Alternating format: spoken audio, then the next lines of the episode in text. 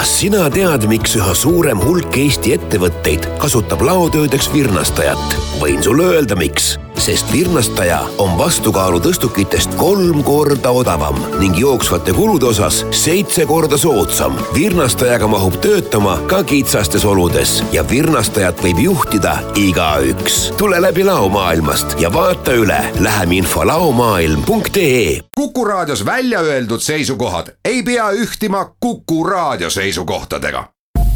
Te kuulate Kuku raadiot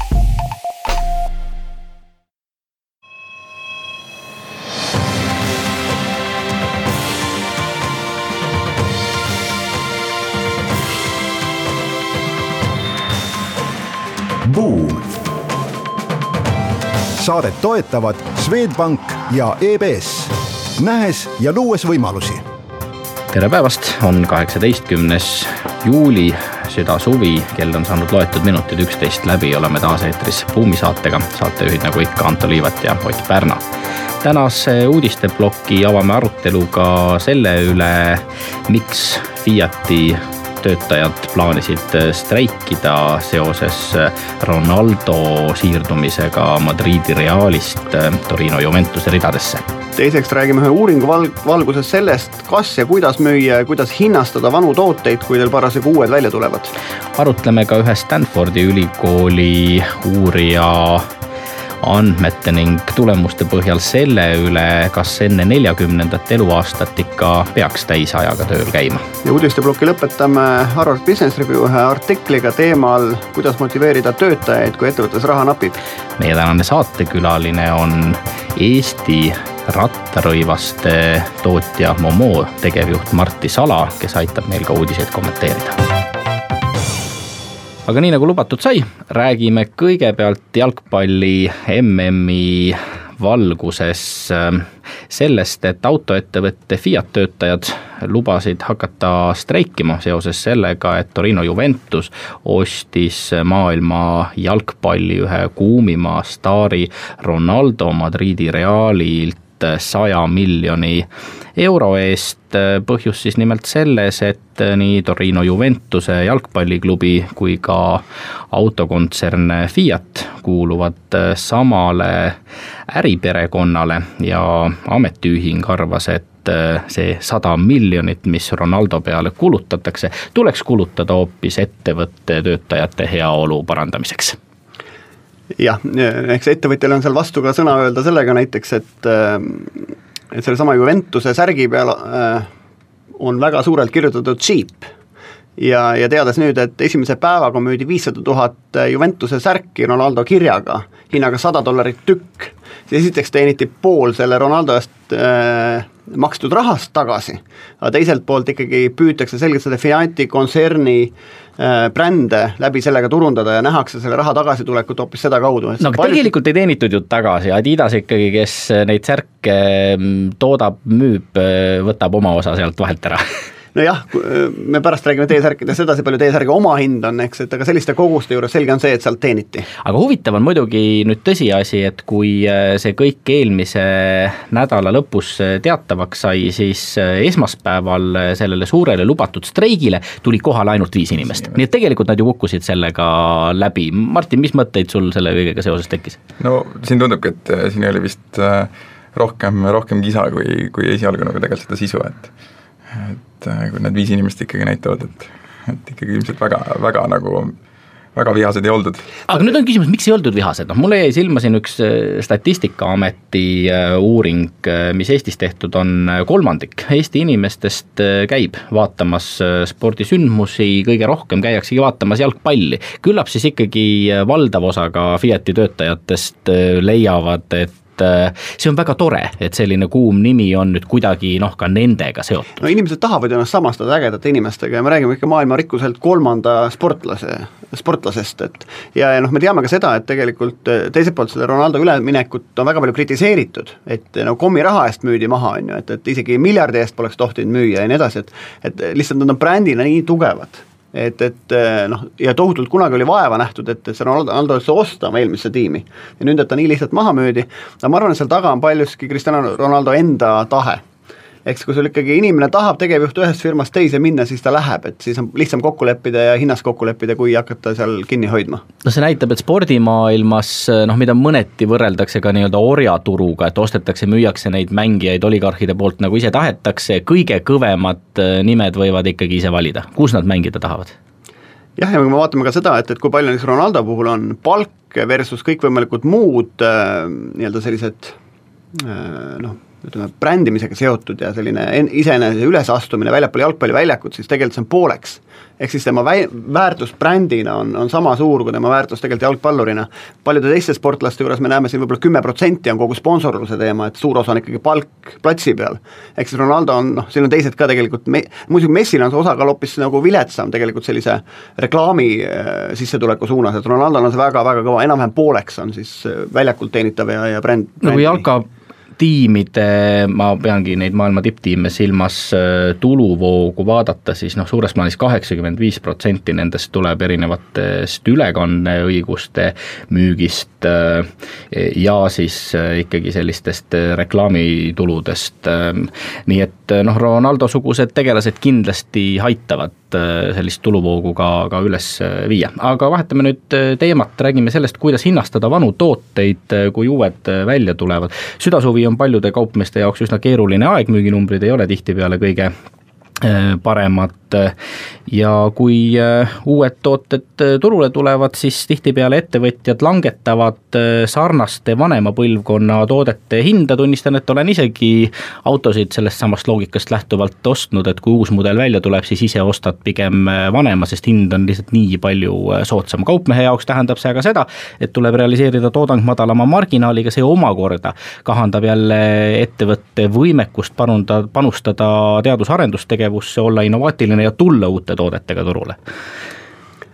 jah, siin uuringus, noh, see on nüüd hästi lai teema, aga siin uuringus võib-olla üks keskne teema on selliste strateegiliste klientide roll. et kas need strateegilised kliendid, kes igal ettevõttel on, kas nad pigem jooksevad kaasa selle uue tootega või nad ootavad ära selle, kui seal vana toote hind alla läheb. kui nad, äh, kui on, osutub tõeks see viimane, see tähendab seda, et ettevõte, esiteks uus toode ei ole piisavalt innovatiivne või on selle innovatsiooniga siis kaasnenud sellised riskid, et ei taheta neid bugisid alguses osta, et ostetakse parem hil-, hiljem nagu sellist lollikindlat, kindlat toodet. Ja noh, siin on selles mõttes kah, kahte äärmuslikku ettevõtet tegelikult toodud näitena, üks on Apple, kes tuleb oma telefoniga kord aastas välja uue mudeliga,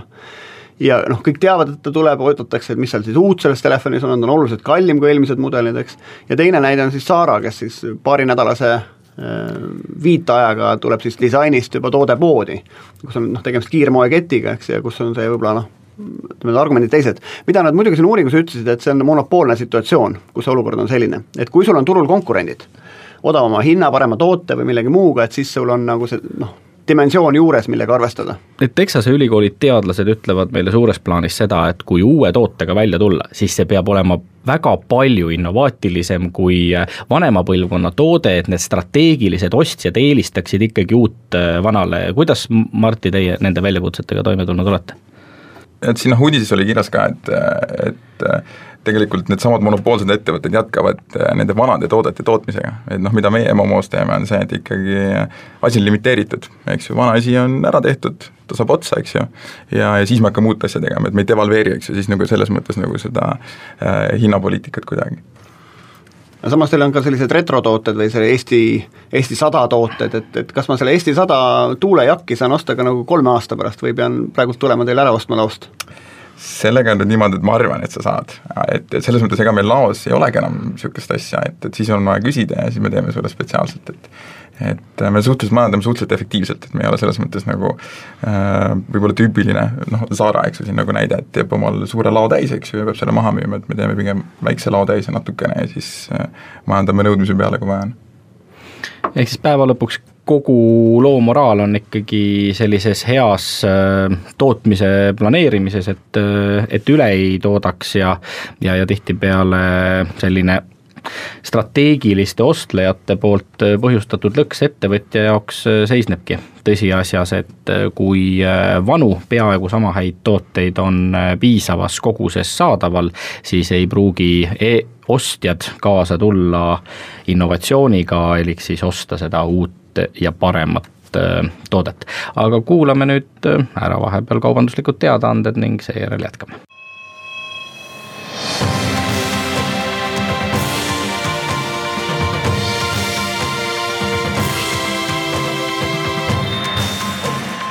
Buum. saadet toetavad Swedbank ja EBS, nähes ja luues võimalusi oleme tagasi Buumi eetris, saatejuhid Anto Liivet ja Ott Pärna. meie tänane saatekülaline on Momo nimelise spordirõivaste tootja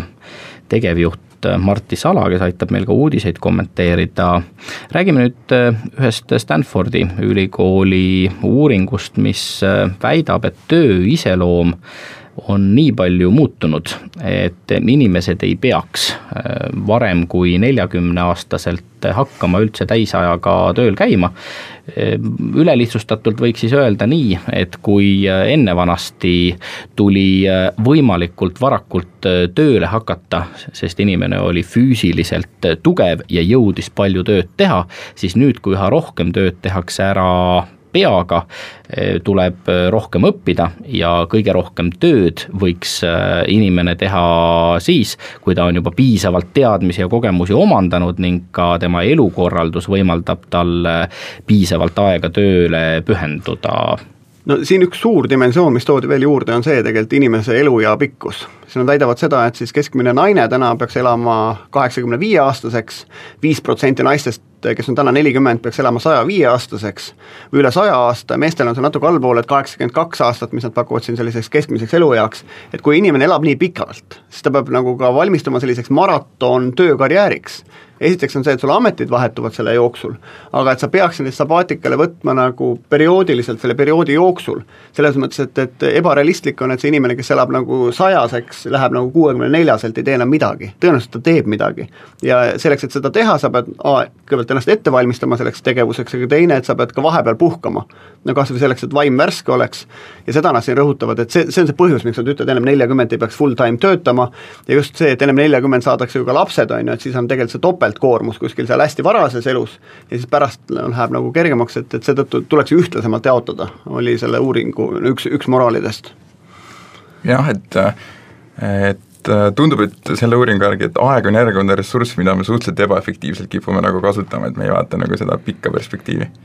meil on lihtsalt harjunud, meil on ju kogu aeg räägitud, et noh, võimalikult kiiresti tuleks äh, ikkagi tööle minna, kas või selleks, et kogemusi omandada, täna tööjõupuuduse tingimustes Eestis ma kujutan ette, et andekatel noortel inimestel seda survet, et mine tööle ja tööta täisajaga, noh eriti mõnedes sektorites, näiteks IT-valdkonnas, jäta kool pooleli, töö juures õpid palju rohkem ja teenid muidugi märkimisväärselt rohkem. no ma käisin Inglismaal doktorantuuris ja meil oli seal neljakümne, mina läksin sinna, ma olin kakskümmend kaheksa, eks meil oli seal nagu nelikümmend, üle neljakümne inimesed, kes polnud koolist veel välja saanudki, rääkimata sellest, et neil mõni perekond või mõned lapsed või midagi oleks, et et seetõttu nagu sellist arenenumas maailmas on tegelikult see noh, nii-öelda eluga pihta hakkamine hiljem juba pihta hakanud, meil ikka selline varademokraatlik, varakapitalistlik situatsioon, kus ikkagi noh, kaheksateist peab olema juba nagu noh, ütleme, korter ostetud ja, ja esimene laps olemas, on ju, et et see, ütleme, sellises vanades ühiskondades on pigem nagu üha enam erand kui reegel. jah ja kui noored inimesed peavad õppima üha kauem selleks, et äh, tööturul äh, kaheksakümnenda eluaastani konkurentsivõimelised olla, siis see tegelikult tähendab ka seda, et eelmine põlvkond peaks suutma neid üha kauem äh, üleval pidada, nii et noh, mehed, meie peame vist nüüd nagu vaimu valmis panema selleks, et et, et me toetamegi oma lapsi vähemalt nii kaua, kuni nad neljakümneseks saavad, sest alles siis hakkavad nad täisajaga tööl käima. Eks see ja see inimese enda leidmine, oma selle karjääri otsa kätte saamine, et ma rääkisin oma vanema tütrega just, kes võrdles kahte kooli, kus ühes koolis ütles, et paljud abituriendid tegelikult ei tea, mis nende elus saama hakkab. teises koolis ütlevad juba põhikooli lõpetajad, tegelikult on mingi karjääri ots või mingid huvid on selged, et kas sa tahad, ma ei tea, disaineriks saada või millekski muuks, et et ma arvan, et noh, kooli roll tegelikult võimaldada õpilasel selliselt isiksusena arendada, et tal mingid huvid on tekkinud kümne lõpuks, mitte et tal on ainult nagu faktiteadmised hästi paljudes ainetes, ta on vist hästi suur ja teine pool, mis mujalt maailmast on hästi palju näha ju, et pärast keskat, keskkooli tegelikult ei minda ülikooli kohe.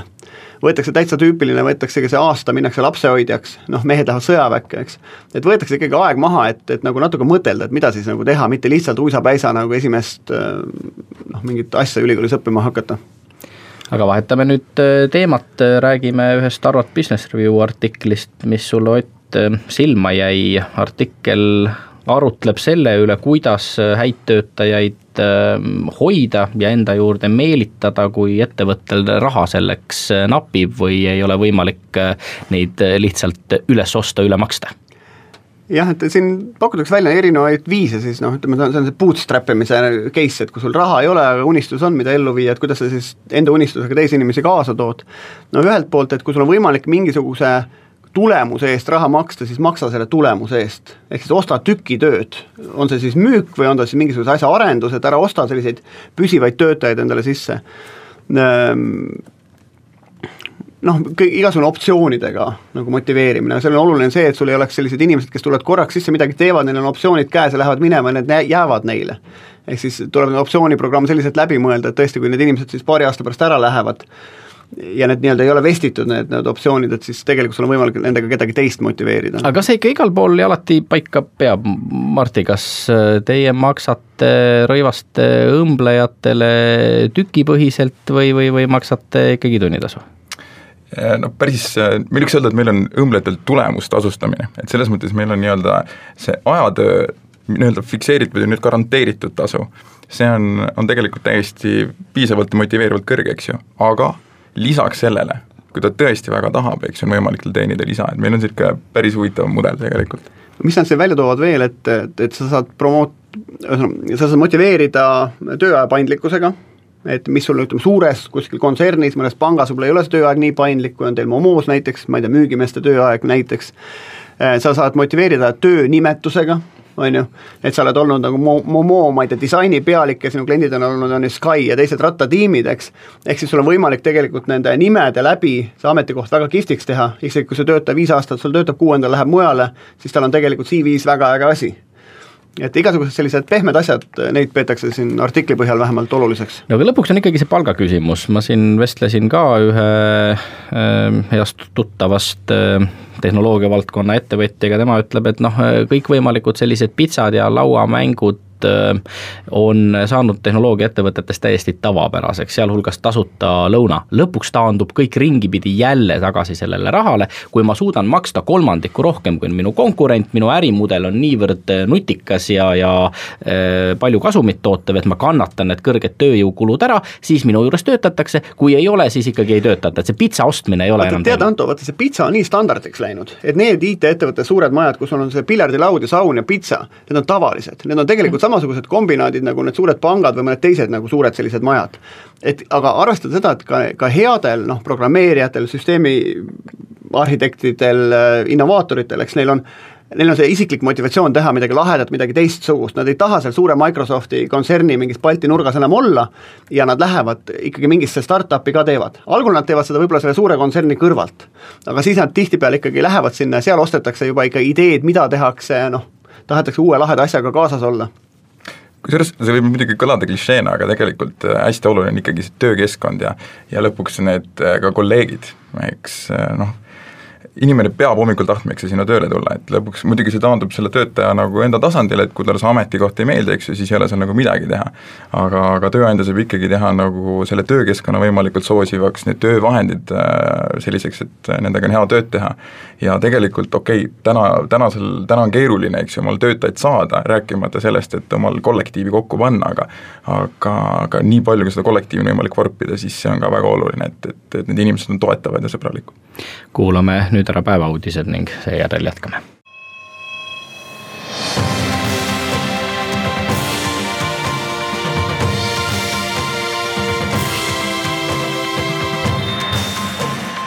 Buum.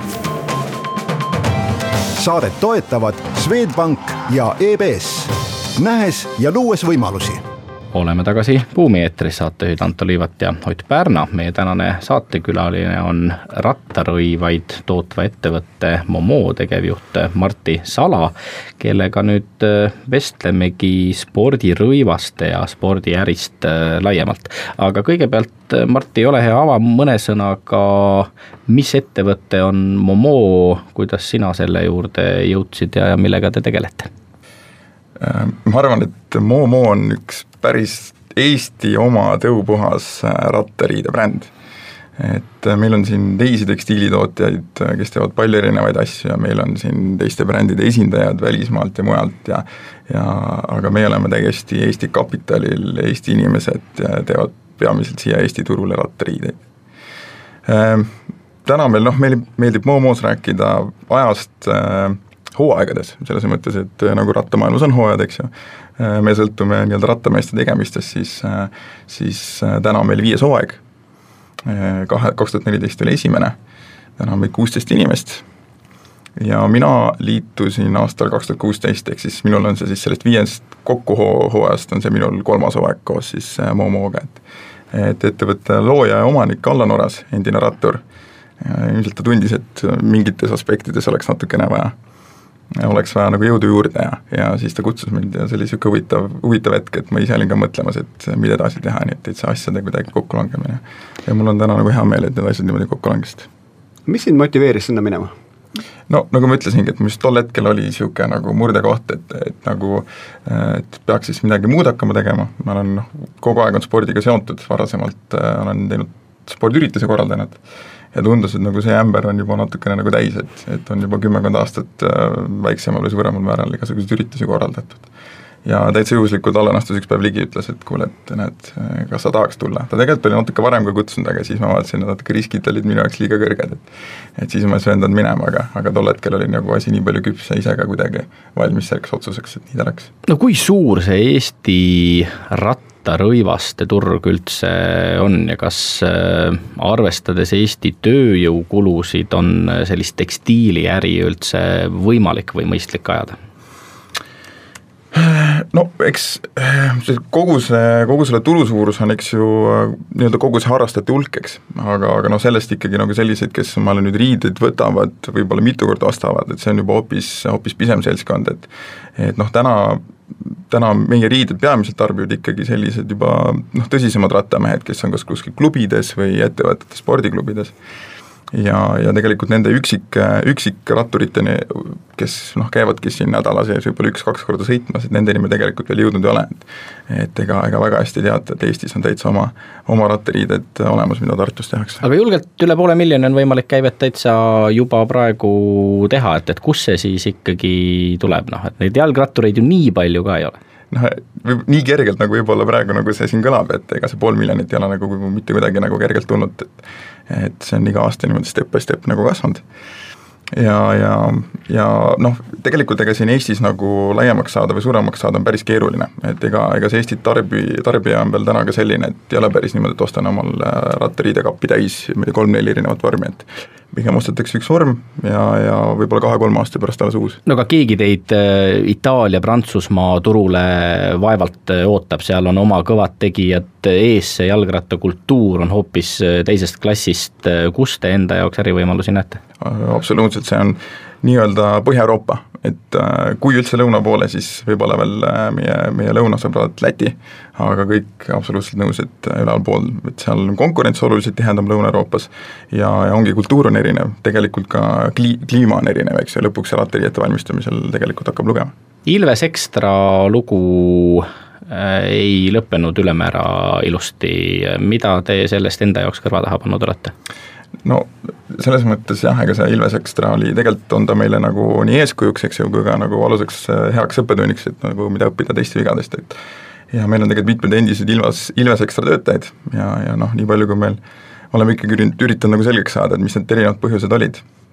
ja tundub, et, et võib-olla see, ajad muutusid nagu kiiremini, kui kui oli nagu äh, mentaliteet valmis nagu järele tulema ja ja, ja võib-olla sealt tekkisid sellised juhtimisotsused, mis nagu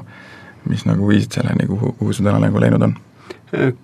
Julge hundi rindarasvana, et, et ma tean, te olete rahvusvahelisel turul noh, kanda kinnitanud, te olete vist ägedatele tiimidele ka midagi teinud asju, et, et räägi natuke sellest rahvusvahelisele turule minekust ja kui palju sellel on olulisust võib-olla sinu ja sinu äriharidusel või, või siis Allan Orase tutvustel rattamaailmas jah, et ma arvan, et see edu võti ongi tegelikult niisugune sünergia erinevatest asjadest, et et eks meie üks kõige suuremaid alustalasid ongi Allan ja tema, tema see profi, profikogemus tegelikult, muidu ikkagi oleks võimalik nagu konkureerivad rattariided teistega teha, et, et ja noh, noh, eks see põhjus oligi, miks Allan mind juurde võib-olla lisaks kutsus, oligi see, et nagu see majandus, majandamise pool võib-olla natuke nagu lonkas tol hetkel, et nüüd, nüüd on nagu selle asja saanud ka järgi, järgi aidata, et et no võib-olla siin ongi vaja selgituseks öelda, et kui sa ütlesid nagu klubidele teinud, siis tegelikult ega Momo teebki peamiselt äh, just rattaklubidele asju tellimise peale, et et nii-öelda need valmisriided on meil noh, tegelikult jutt käib ainult äh, paarist protsendist, mis me nagu toodamegi valmis riideid ja kuskil jaekettides meid äh, osta pole võimalik, no see on ka üks põhjus, miks miks me tegelikult pole nagu niisugune sellise üksikisikust lõpptarbijani jõudnud, aga, aga veebipood on olemas ja need, kes Tartusse satuvad, et need saavad siis nagu tulla. ja kõik firmad ja sellised sõpruskonnad, kes käivad koos mingit trenni tegemas ja rahvavõistlustel, võivad ju teilt oma vorme tellida ja kujundada lasta ja ja minu oma kogemus ütleb, et, et üldse, et rõivaste kvaliteet on parem, kui me võtame ükskõik millise brändi poest ostame, nii materjalid kui, kui need lõiked, ja tõesti, sa saad oma disaini, et sa ei saa seda poest peale surutud äh, kolme võimalikku mudelit jaa, kusjuures noh, see on, endiselt on kinnistunud mingi teadmine, et see oma disainiga asjade tellimine, et see on jube kallis ja ja keeruline, et tegelikult hind on sama, noh, mingite toodetega võrreldes kallim, mingite toodetega võrreldes odavam, aga tegelikult hind on sama, lihtsalt on vaja olla valmis selleks, et see võtab natukene aega. et see disainiprotsess võtab aega lõpuks ikkagi rattariiete tegemine on ju käsitöö, eks. et, et ma just täna hommikul siia sõites mõtlesin, et äh, rattasärk ja rattapüksid käivad vähemalt äh, kokku viie kuni kuue inimese käest nagu mingil moel läbi, enne kui need nagu lõpuks saavad nagu päris tooteks. ja noh, tegelikult ei tee ju ainult rattariided, et suusariided samamoodi, et, et noh, te olete sellised, aktiivsed spordiriided on teil tegelikult laiemas spektrumis.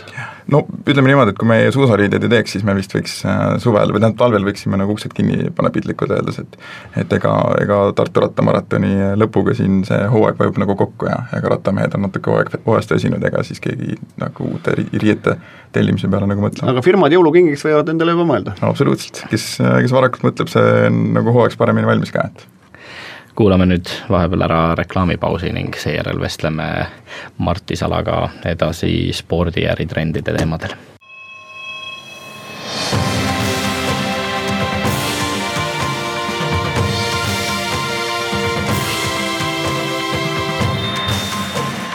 Buum saadet toetavad Swedbank ja EBS, nähes ja luues võimalusi. Oleme tagasi Buumi eetris, saatejuht Anto Liivet ja Ott Pärna, meie tänane saatekülaline on Momo spordirõivaste tootja tegevjuht Martti Sala, räägime nüüd spordiäri trendidest. kui suur on see tõenäosus, et ühel hetkel Allan Oras, sina või, või keegi teine lähete ja koputate Astana või mõne teise maailma tipptiimi ukse peale ja ütlete, et me tahaksime, et järgmisel hooajal sõidaks teie meeskond meie riietes? no kui me niimoodi tahaks teha, siis me peaksime selle ühe aasta kogu käibe suutma kuidagi kõrvale panna ja siis, siis selle, selle rahapakiga sinna ukse peale koputama, aga aga, aga tegelikult äh, palju noh,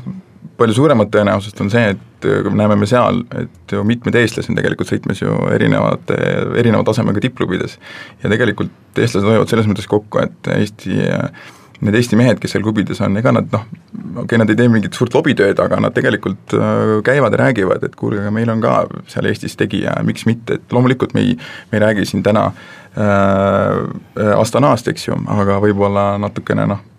paar sammu nagu äh, nõrgematest tiimidest, kus on ka Eesti mehed tegelikult äh, sees. aga me teame ju seda ka, et, et ainult vist paarkümmend protsenti spordist tehakse ära spordiklubides, ülejäänud on sellised teist tüüpi moodustused, ongi mingid sõpruskonnad, mingisugused firmad, mingid sellised, et me sinuga koos käisime sõitmas ümber ühe suure järve Rootsis, on ju, et seal oli selliseid igasuguseid kampu, mitte ühtegi profiklubi ma ei näinud seal, et nad olid sellised seltskonnad, kellel kõigil olid oma mingid tiimi kostüümid seljas, et võib-olla sellistega on nagu lihtsam see jalg ukse vahele saada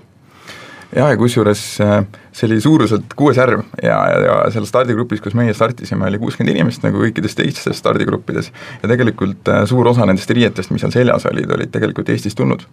aga need ei olnud mitte Momo riided, vaid need olid äh, Trimtexi riided, mida tehakse tegelikult Eestis, nii et, et see konkurents on karm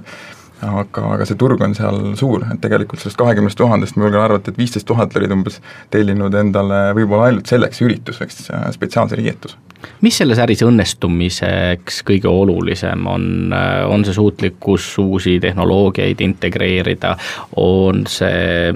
ikkagi tutvused, kontaktid, on see atraktiivne turundustegevus, midagi muud?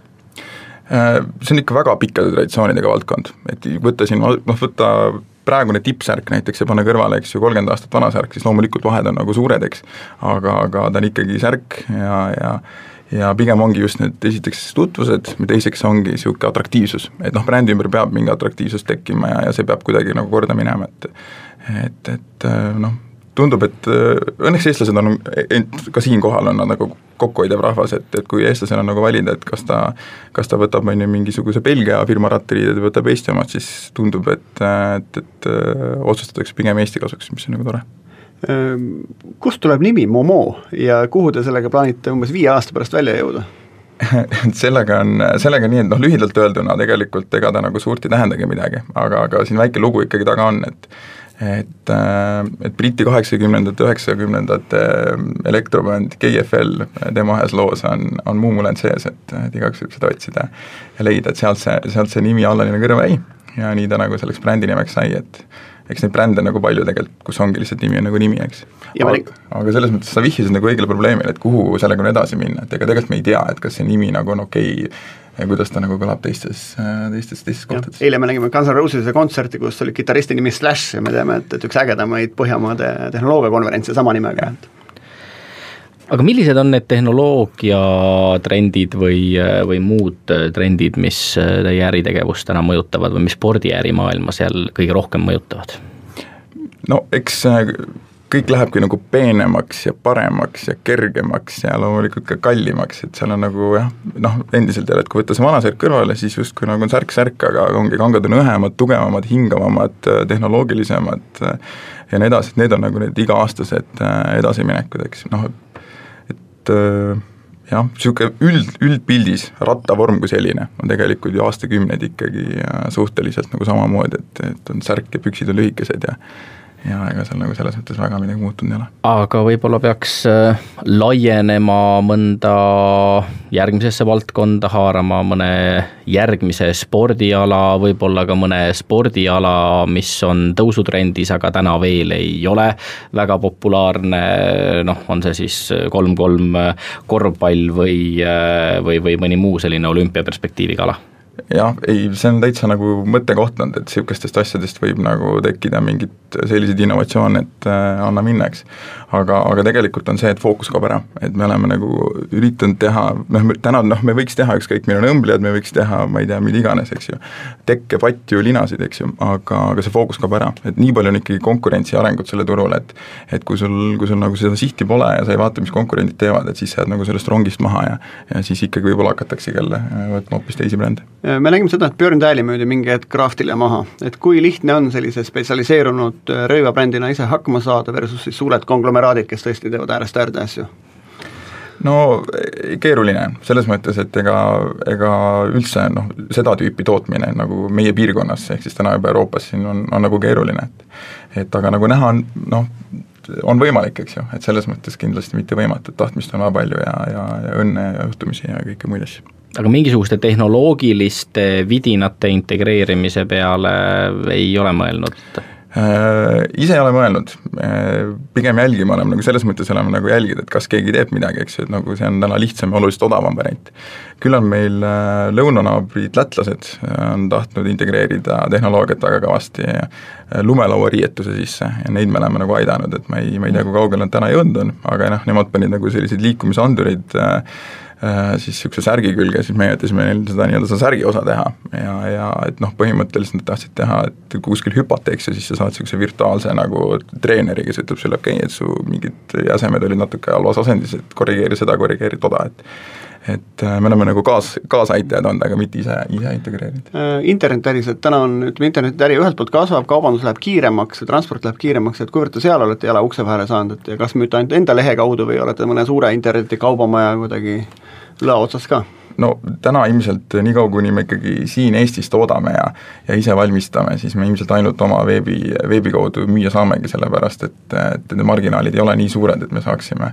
ja kui me läheksime kuskile teise veebipoodi ilmselt, siis noh, see oleks veel võimalik, aga, aga üks asi, mis meid takistabki ilmselt jaemüüki minemast, ongi lihtsalt see, et et siis ei saa see jaemüüja oma osa või me peaksime hinnagani alla tulema, et see asi muutuks nagu majanduslikult mittekasulikuks. aga strateegiline partnerlus kellegagi miskisugustes valdkondades? On mõtteid, meil on, meil on tegelikult, äh, on, on väga head suhted äh, näiteks Hawaii Expressiga, et, et, et äh, mine sa tea, et kui, kui näiteks mingid koostööd võiks tulla üldse sellistest jaepoodidest, siis, siis tõenäoliselt nemad siin jalgratturite seas on populaarseks kogunud see üleskutse, et autod võiks hoida poolteist meetrit siis jalgratturist tee ääres, et kas mõne särgi selja peale ka sellise sildi kleebite või juba teete, et jaa, ei meil on äh, just meie peadisainer, äh, siis kui me samas seal Rootsis käisime, siis tema mõte oli see, et teha särgile kirjutada scrolling kills, eks, et kui palju nagu täna see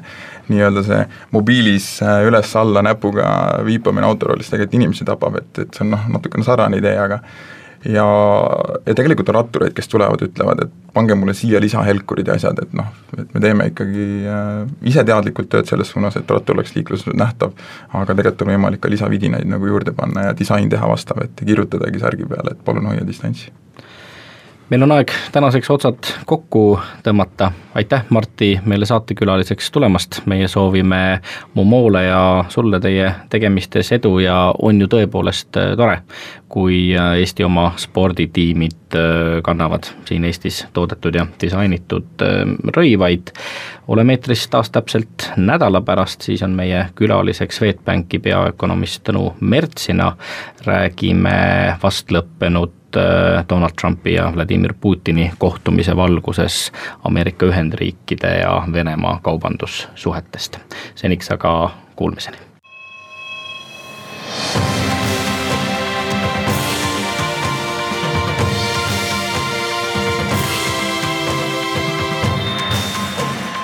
Buum. saadet toetavad Swedbank ja EBS, nähes ja luues võimalusi